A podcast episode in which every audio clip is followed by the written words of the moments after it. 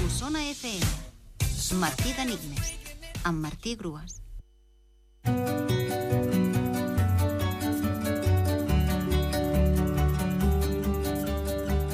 El dilluns us esventava aquest enigma. Cançó portuguesa més aviat tristota que s'interpreta amb dues notes, de quatre lletres. La resposta, lògicament, era fado. El fado és l'expressió més popular de la música portuguesa. En el fado s'expressen els mals moments de la vida a través del cant. Sembla que el seu origen es remunta a les cançons dels esclaus africans, encara que donat l'intens intercanvi de Portugal amb altres cultures a través del mar, les influències es multipliquen.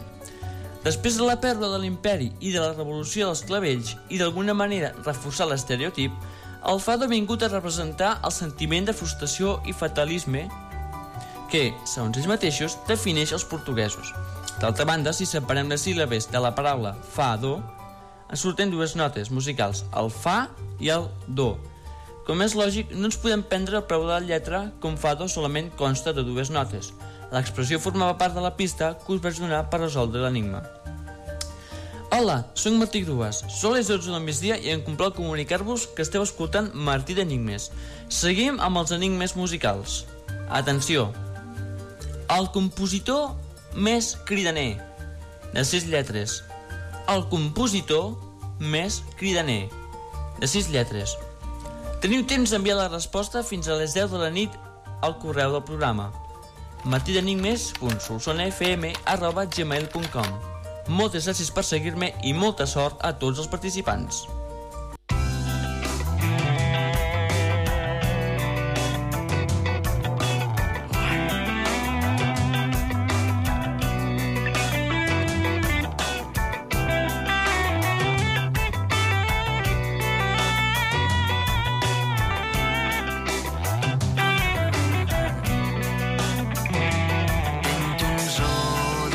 Meva, ses lleones se jalen sa penya, ses goril·les mengen herba, realment són bones ties, i ses àguiles marines són més putes de ses gallines.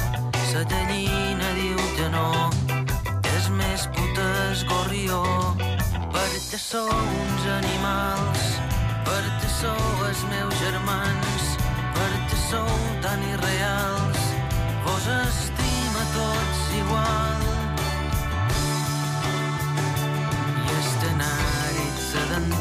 llavis tornen locos dins el llavi. I ses gualeres de bones? Sempre n'he de dur de noves. I es mussol sap metafísica i sa visita no falla. D'edifici